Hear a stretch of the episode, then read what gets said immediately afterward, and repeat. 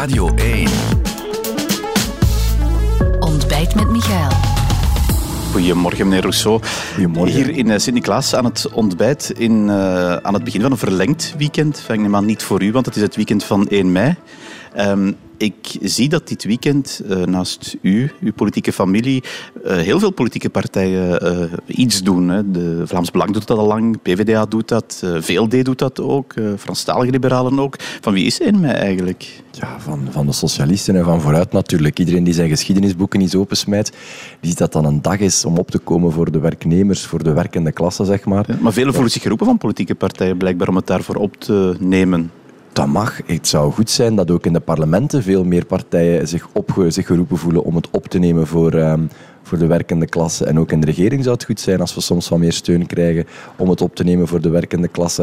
Um, maar de mensen gaan altijd het uh, origineel en de kopie kunnen onderscheiden. En het origineel is ook altijd wel beter dan ja, de kopie. Daar zullen we het zo meteen over hebben. Maar u bent er in elk geval wel in geslaagd het, uh, voorbije, de voorbije week om uh, al een thema te zetten. Het is eigenlijk met één woord gebeurd, die, die basis banen.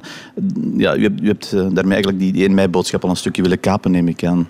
Wanneer het gaat over de dag van de arbeid, en dat wil zeggen, hoe zorg je ervoor dat uh, werkende mensen beter beloond worden? Hoe dat men minder belastingen betaalt op arbeid? Dat we daarvoor de grote vermogens aanspreken. Maar ook hoe dat je ervoor zorgt dat je iedereen een kans geeft om uh, ja, aan het werk te gaan. De dag van de arbeid ging altijd over collectief organiseren van betere rechten, betere voorwaarden voor de werknemers, voor de arbeiders. Um, en dan moeten we ook zorgen dat iedereen de kans krijgt om aan de slag te ja. gaan. Die basisbaan is eigenlijk zeggen, uh, we gaan u veel meer helpen. We gaan ja, u veel meer kansen geven, we gaan u veel meer opleiding geven. Maar als het dan toch niet lukt om een job te vinden, na twee jaar zoeken, dan gaan wij u een job aanbieden. Dat is een heel warm en heel positief verhaal om te zeggen, iedereen mee in bad, okay. iedereen aan het werk. Dat uh, is ook, over die invulling van die basisbanen is het ook veel gegaan, maar fundamenteel, en daar wil ik het toch even over hebben. U zegt, het is de dag van de arbeid die al sinds mensenheugenis uh, gevierd wordt en waar boodschappen gegeven worden.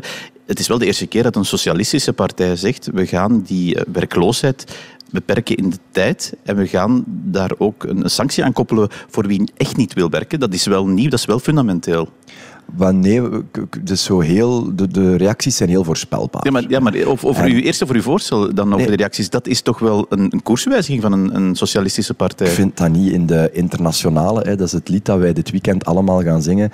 Um, wordt in de strofe gezongen geen recht waar plicht wordt opgeheven, geen plicht waar recht ontbreekt. Onze socialistische voorvaderen wisten het al heel goed, dus dat in een samenleving iedereen kansen moet krijgen, maar je die kansen ook ja. moet maar, krijgen. maar uw voorvaders en wij... niet zo lange voorgangers in uw partij hebben dat, en, en, en trouwens in uw Franstalige collega-partij ook, vinden dat dan duidelijk niet, toch? Ja, iedereen heeft zijn eigen lezing van het socialisme. Uh, ik ben door mijn leden verkozen en hopelijk word ik binnenkort opnieuw verkozen om, um, om de, de oppersos te zijn, zoals ze dan soms al lachend zeggen. Um, om de voorzitter te blijven, om de leider te zijn van die socialisten. En we zullen dat uitleggen op de manier dat wij daarin geloven. Nu, dat is een heel warm verhaal. En wat ik heel duidelijk wil rechtzetten is... Wij schaffen eigenlijk na twee jaar de werkloosheid af. We schaffen geen uitkering af. Wij geven u een loon. Je gaat erop vooruit. En, en voor wie dat niet wil, nee, maar, en voor wie daar niet wil op ingaan, wat zegt u dan? Ja, maar allee. Ja, nee, maar wat zegt u dan? Ah, nee, maar dan krijg je een sanctie. Maar ja, voor alle duidelijkheid... Dan zegt u toch wel iets af? Maar nee, wat is daar niet aan? Wat u nu zegt? Nee. Als vandaag de VDAB u een aanbod doet om te gaan werken, en u slaat dat aanbod af, kan u dan gesanctioneerd worden, ja of nee? Ja, het kan. Hè. Dat is het, kan, principe. Voilà. Ja. En bij ons kan het ook. Ja, de bemiddelaar zal, de ja, bemiddelaar zal ja, moeten... Er is een verschil tussen het kan of het zal gebeuren natuurlijk ook. Ja, op papier zal het ook gebeuren vandaag. Hè. We zullen zien... Uh, we zullen zien wat dat in de praktijk zal wegbrengen. Maar ik vind dat heel raar. Je doet een voorstel om meer mensen aan het werk te krijgen. Je doet een voorstel om na jarenlang van stilstand op die arbeidsmarkt, na jarenlang dat iedereen over van alles babbelt, dat we die arbeidsmarkt moeten hervormen, zeggen wij oké, we willen die stilstand doorbreken. We gaan met een voorstel komen. Dat werkt. We zien in Nederland, Denemarken, Oostenrijk, men experimenteert daarmee. Men gaat die experimenten uh, uitbreiden en verlengen, omdat het werkt, uh, meer mensen aan het werk krijgen. Maar men begint direct al over, ja, maar wat als dat niet zou lukken? Dat is een beetje hetzelfde als een ouder die op 1 september al van zijn kloten gaat maken tegen, uh, tegen een leerkracht, dat er een kleine kans is dat zijn kleine een buis zou hebben op het einde van het jaar. Dat is toch vreemd, ja. hè? Dat iedereen altijd zo op die ja, sancties... Het vreemde is misschien die koerswijziging waar ik het net over had, hè, meneer Rousseau. Anderzijds, het gaat natuurlijk ook over een relatief kleine groep, zeker in Vlaanderen waar nu zoveel over, aandacht het over gaat. gaat. over 60.000 mensen in Vlaanderen, maar het gaat er eigenlijk over hoe we kijken om mensen op die arbeidsmarkt uh, te, te, kansen te geven. Um, wij willen meer begeleiding. Hè. We willen meer begeleiding op maat. We willen dat strakker organiseren, dat je sneller een aanbod krijgt, dat je sneller een opleiding krijgt. We willen ook mensen een premie geven om een opleiding te volgen die leidt tot een knelpuntberoep. Want heel veel bedrijven schreeuwen om volk. Hè. Ja. Overal hebben ze volk nodig. En dan zien we dat heel veel mensen geen job vinden. Maar er zijn ook veel langdurig zieken, daar wil ik het even over hebben. Daar hoor ik u dan niet over. Um, ja, maar daar is Frank van den Broeke bezig met een investering en een hervorming. Um, en gaan we daar eenzelfde koerswijziging zien als wat u nu uh, suggereert voor uh, die langdurig werklozen? Maar dat is juist gebaseerd op hetzelfde principe. Um, wie ziek is, moet genezen. Punt. Dus wij investeren miljarden in die gezondheidszorg, zodat je sneller kan genezen, zodat je betaalbaar kan genezen. Frank is daar fantastisch werk aan het doen. Zeer goed werk. En wie genezen is en aan het werk wil, daarvoor werken we de drempels weg. En die gaan we een hand vasthouden en helpen om terug aan de slag te gaan. Op maat. Niet direct volle gas, hè. op maat. Stapsgewijs terug op die arbeidsmarkt komen. Dat is goed voor die mensen zelf, dat is goed voor hun gezondheid, dat is goed voor heel onze economie. Frank heeft ook gezegd, we gaan die mensen wel een vragenlijst opsturen. Ja, wie weigert om vragen in te vullen. Wanneer men genezen is, hè, om vragen in te vullen, dat is nu toch een kleine moeite, ja, daar kan ook een sanctie volgen. Dus dat, dat, dat uh, sanctioneren, want daar gaat het voor een stukje ook over, dat, gaan we ook, uh, dat is eigenlijk de lijn die je wilt doortrekken ook naar die langdurig zieken dat is al beslist. Mhm. Dus het is niet nieuw, dat is een jaar geleden beslist bij Frank. En Frank, allee, ik vind het jammer dat iedereen blijkbaar uh, een fetish heeft met sancties, oké, maar als, wij afspraken, als je een samenleving wilt organiseren, als je de stilstand wilt doorbreken en onze welvaartsstaat wilt versterken, dan moet je die ordenen. Dan moet je die goed organiseren, dan heb je regels nodig. En als je regels niet kan handhaven, zijn die niets waard. We kunnen een keer testen, hè, vandaag is Sint-Niklaas. Je mag niet door het rood rijden, maar als je het wel doet, volgt er geen sanctie. Ja, maar een zien hoeveel, mensen, hoeveel, hoeveel ongevallen dat, dat duidelijk. En het is ook dat is een, heel, manier, een heel sociaal verhaal. Het is op die manier dat u ook uh, die boodschap van 1 mei al een paar dagen vooraf hebt uh, bepaald, want daar gaat het over. Het gaat natuurlijk dan niet over wat er niet ligt. Uh, dat is vooral in die federale regering, waar u zelf ook deel van uitmaakt met uw partij. Arbeidsmarkthervormingen, pensioenhervormingen, fiscale hervormingen. Daar kan u niet naar buiten mee komen, want het is er natuurlijk nog niet. Hè? Nee, we zijn, ehm, we zijn op op ons, we blijven een beetje op onze honger zitten wat dat vlak. Maar, op welk vlak eh, precies dan? Wel van het, het resultaat. Dus er zijn in deze regering heel veel dingen gebeurd. Pensioenen zijn verhoogd, minimumlonen zijn verhoogd, massaal geïnvesteerd in de gezondheidszorg. Ehm, maar er is een volgende stap nodig. Ehm, en we hopen echt wel tegen de zomer te kunnen landen met een pensioenhervorming die die pensioenbonus terug in, uh, invoert. Dat mensen die langer werken daarvoor beloond worden, maar die ook zegt van kijk, we hebben hier nu de basis van dat pensioen verbeterd. We blijven dat verbeteren trouwens. Ehm, we vinden ook dat er een groter verschil moet zijn tussen werken en niet werken. Niet door mensen af te straffen, wel door mensen te belonen als ze werken. Dat gaat over die fiscale hervormingen dan? Ook, maar dat gaat ook over dat je voldoende moet gewerkt hebben om aan dat minimumpensioen te komen, aan dat hoger minimumpensioen.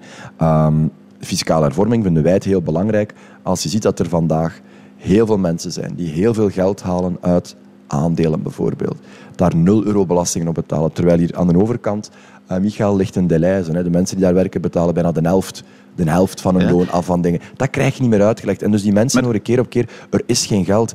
De rijkste man van de wereld is in België komen wonen. Niet omdat hij hier te veel belastingen betaalt. Hè omdat hier voor sommigen toch nog wel een fiscaal paradijs is. En dus eerlijke fiscaliteit zal leiden tot lagere lasten op arbeid, een hoger nettoloon. En die fiscale hervorming, ja, die hopen wij toch wel iets van te verwezenlijken al deze zomer. Ja, daar zo meteen meer over. Ik hoor u ook altijd zeggen, eh, misschien wat aangestuurd daar door uh, uw uh, collega's ter extreem linkerzijde, de PvdA, die meerwaardebelastingen op aandelen. U pretendeert bijna, dat is iets waar superrijken dan gebruik van maken. Een heel deel van de middenklasse heeft ook gewoon aandelen, die ook al een, een 30% roerende voorheffing betalen op dividenden. Ja, wat zegt u tegen hen, tegen die gewone werkman die misschien een stukje van het geld waar hij al heel zwaar op belast is, uh, overhoudt en, en, in plaats van op een spaarrekening in aandelen zet? Wat zegt u daar dan tegen? Tegen die mensen zeg ik dat zeker de middenklasse, zeker de middenklasse er met een fiscale hervorming op vooruit zal gaan. De vermogensongelijkheid neemt toe. Dus het groepje mensen dat geld heeft, wordt kleiner, maar het geld dat die hebben, wordt groter. Dus steeds minder mensen bezitten meer rijkdom. Dat zijn cijfers, dat kan u nagaan. Wanneer we natuurlijk de lasten op arbeid verlagen, dan zal ook die middenklasse veel minder belastingen betalen in de eerste fase.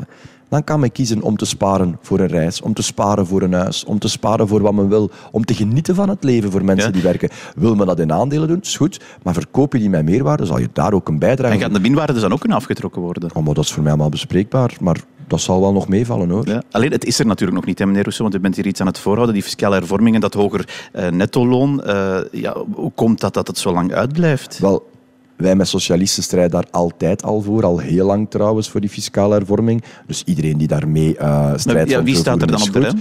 Um, ja, het is niet altijd makkelijk om, om, met, uh, om, om, met, ja, om met sommige blauwe mensen zeg maar, te spreken over, liberale over, over, eerlijke, over eerlijke fiscaliteit en over de bijdrage van de grootste vermogens. Wij willen een vermogenskadaster. We zijn een van de weinige Europese landen die dat niet hebben. Maar u zegt eigenlijk, uw liberale dus, coalitiepartners ja, we zien dan bijvoorbeeld dat, dat, uh, dat uh, staatssecretaris voor begroting zegt ja, dat kan je niet doen, want dan vlucht iedereen weg. Ik stel mij de vraag naar waar vluchten die mensen dan, want bijna heel Europa heeft een vermogenskadaster. En het is natuurlijk wel heel gemakkelijk om te zeggen, van wat dat u of u verdient, weten we alles. Fiscus weet tot de laatste cent uw loon. Maar jij kunt niet vluchten, want ja, naar waar gaat je gaan? Maar de grote vermogens, de allerrijksten, god, die zouden niet geld in het buitenland kunnen parkeren. Het omgekeerde is waar, hè.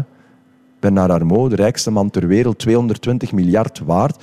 Die heeft zijn vermogen niet geparkeerd. Okay, dat hebt u al gezegd, maar zegt u nu, is het een sneer ook naar uw liberale coalitiepartners dat zij daar onvoldoende werk van maken? Want ik hoor in het parlement deze week ook enige vrevel, trouwens ook in omgekeerde richting van de premier naar eh, Joris van den Broek. Het parlement zit van u toe, hè, dat vlak. Wel, Joris van den Broek is al heel lang bezig ook om die fiscale hervorming mee te steunen. En ja, wij willen alleen maar heel duidelijk maken dat als we willen dat de mensen op 1 januari 2024 dat gaan voelen in hun portemonnee, dat die koopkracht versterkt wordt, ja, dan, dan gaan we wel voor de zomer of tegen de zomer alleszins moeten zorgen dat we een akkoord hebben. Want anders komt het te laat om nog uit te voeren voor de mensen. En dus ja, wij hopen dat iedereen inziet dat de ongelijkheid gegroeid is in dit land sinds de bankencrisis. Dat de vermogensongelijkheid gegroeid is. Rijken worden rijker. En de middenklasse staat echt onder druk. Staat echt onder druk. Ik ben blij dat u het aanhaalt. Het zijn wel de middenklasse die het land draaiende houden en die echt onder druk staan. De werknemers, de werkende mensen. En dus ja, zij gaan eerst netto minder moeten betalen.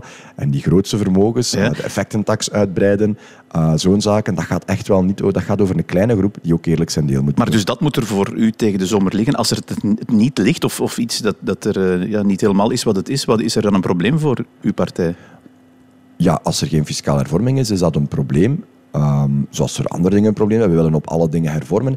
Zeker omdat we daar nu al jaren over babbelen, zou het goed zijn voor de politiek. Ja, maar is er een probleem als, als er binnen deze coalitie geen uh, wat wilt u, aanzet... Wat wilt, u, wat wilt u mij horen zeggen? Wat ik vraag, ik, u beslist zelf wat u zegt. Dit is een vraag. Is er een probleem als er deze zomer geen fiscale hervorming ligt? Ja, dat vinden wij een probleem, want je bent daar nu zo lang over aan het onderhandelen. Um, je mag niet blijven stilstaan. Je moet daar keuzes maken. We zullen daar een, een akkoord moeten vinden. Dat zal een compromis zijn. Je bent met zeven in dit huwelijk. Dat is niet altijd evident. Is met twee al niet makkelijk. Laat staan met zeven. Dus we gaan daar heel redelijk in zijn, maar wel redelijk en uh, maar wel altijd de kaart trekken van de werkende mensen die hun loon moeten omhoog. Oké, u zegt we zijn met zeven in die Vivaldi-coalitie. Dat is niet makkelijk. Uh, een heel divers samengestelde coalitie, ideologisch. het is over een jaar ongeveer dat er verkiezingen zijn. Gaat u daar ja, bijna naar die verkiezingen gaan met het idee van uh, we kunnen deze coalitie zomaar verder zetten? Maar ik denk niet dat mensen heel hard bezig zijn met... Nee, maar u bent politicus, u misschien wel. Maar ik moet mensen overtuigen tijdens een verkiezing. Ik denk niet dat mensen heel hard bezig zijn met wie er in een regering zit. Wel wat die regering voor hen zal doen. En voor mij is het belangrijk dat die lonen omhoog gaan. Dat die ja, maar je hebt net aangehaald dat dat heel moeilijk is in zo'n uh, Natuurlijk zo is dat moeilijk, maar wij hebben in een, uh, tijdens het, uh, het, het, toppunt van de coronacrisis, na een jaar slabakken en stilstand, zijn, zijn mijn collega en ik erin geslaagd om toch een regering op de been te brengen. Um, een schoonheidsprijs zal dan nooit winnen. Perfect staat niet in het politiek woordenboek, maar wel de verdiensten ja. om, om op zo'n okay. een regering op de maar been te brengen. Maar mijn vraag is aan u, gaat u voor Vivaldi 2, gaat u dat bepleiten richting verkiezingen? Um, wij gaan voor vooruit. Ja, we gaan van, van eigen sterkte. Nee, ik ga mij op voorhand niet, niet vastrijden in een bepaalde regering. Als Vivaldi genoeg stemmen haalt, de kiezer beslist dat, als Vivaldi genoeg stemmen haalt om door te doen. En we kunnen, uh, we kunnen afspreken dat we beter gaan overeenkomen en dat we echt doorpakken op vele zaken, dan kan dat voor mij. Als de kiezer de kaarten anders legt, dan zullen we ook daarin onze verantwoordelijkheid nemen. Maar ik heb zoveel mogelijk stemmen voor vooruit nodig om een aantal inhoudelijke verschillen te maken, om die stilstand te doorbreken en om ervoor te zorgen dat we met ons land opnieuw vooruit kunnen. Hoe belangrijk wordt naar die verkiezingen en vooral na die verkiezingen, als er coalitiebesprekingen zijn, uw band met de PS? Die band is goed. Ja, maar hoe, hoe, hoe één en ondeelbaar is die? Um, ja, wij zullen altijd wij zullen samen aan die onderhandelingstafel zitten, maar met vooruit zullen we natuurlijk onze eigen accenten wel leggen. We zijn dezelfde politieke familie, maar we zijn wel twee aparte partijen. Hè. Ik ben een voorzitter, Paul Meijert is een voorzitter. We kunnen het menselijk heel goed met elkaar vinden. Dat is ook belangrijk trouwens. Ja, de deze week waren ze totaal oneens trouwens met uw voorstel over die basisbanen, begreep ik. ver, verraste mij een beetje, omdat ze het ooit zelf hebben voorgesteld. Ehm, en ehm, het verrast mij ook altijd om, om eh, eh, lessen te krijgen over eh, hoe je mensen aan het werk krijgt van mensen uit Brussel. Ik denk dat, eh, ehm, ik denk dat daar toch ook wel Over de fractieleider van de PS, neem ik aan. Ja, die zegt mensen, niet, mensen verplichten om te werken, dat helpt niet. Ja, we hebben gezien tot wat dat mensen niet verplichten om te werken al geleid heeft in Brussel. Dus allee, het zal wel genuanceerder zijn dan dat. Ehm, we willen hetzelfde. We willen meer mensen aan het werk. We willen de werkende klasse daar ook beter voor belonen. En dat willen we samen. Dat zullen we, die strijd zullen we altijd En samen dus u zal samen aan die onderhandelingstafel zitten. Ja, we zijn één grote politieke familie. En dus de PS is wel de grootste partij uit Wallonië. Zij zullen altijd aan zet zijn als het uit Wallonië komt. Ehm, wij willen gewoon met iedereen beter samenwerken, zodat de mensen daar thuis ook meer aan hebben. Ja, Al dat tegenwerken en tegen het raad doen heeft nog weinig opgelost. Laat ons beter samenwerken en, ehm, en zorgen dat we resultaten boeken. Ja, u zal er in elk geval zitten als eh, voorzitter, neem ik aan, want u wordt in principe herverkozen over een maand. Als het de leden belieft, moet ik dan formeel zeggen. Maar Ja. de kans is heel groot en ik heb er heel veel goestingen. Ja. Ja, en dan is mijn eh, laatste vraag, eh, meneer Rousseau. Blijft u dan voorzitter? Want er zijn natuurlijk verkiezingen volgend jaar voor het federaal Vlaams parlement, maar ook gemeenteraadsverkiezingen. U wil burgemeester worden van Sint-Niklaas, heb ik ook al eens horen zeggen. Of toch minister misschien? Ehm, we, zullen, zien wat, wat er met de verkiezingen gebeurt. Mijn taak als voorzitter is om zoveel mogelijk mensen, en dat is goed aan het lukken, ehm, te overtuigen. Ik heb eh, nu drieënhalf jaar de tijd gehad om mijn partij te hervormen. Nu zijn we klaar om het land te hervormen. Ehm, en ah, de kiezer zal beslissen eh, hoe dat de kaarten liggen. En als ik mijn verantwoordelijkheid ergens kan opnemen, zal ik dat altijd doen. Oké, maar dat is in elk geval nog eh, een jaar wachten in principe. Het eh 1 mei weekend komt er nu eerst aan. Dan wens ik u een fijn weekend en bedankt voor dit gesprek, meneer Rousseau. En een goede eerste mijl sinds. Ik ga werken.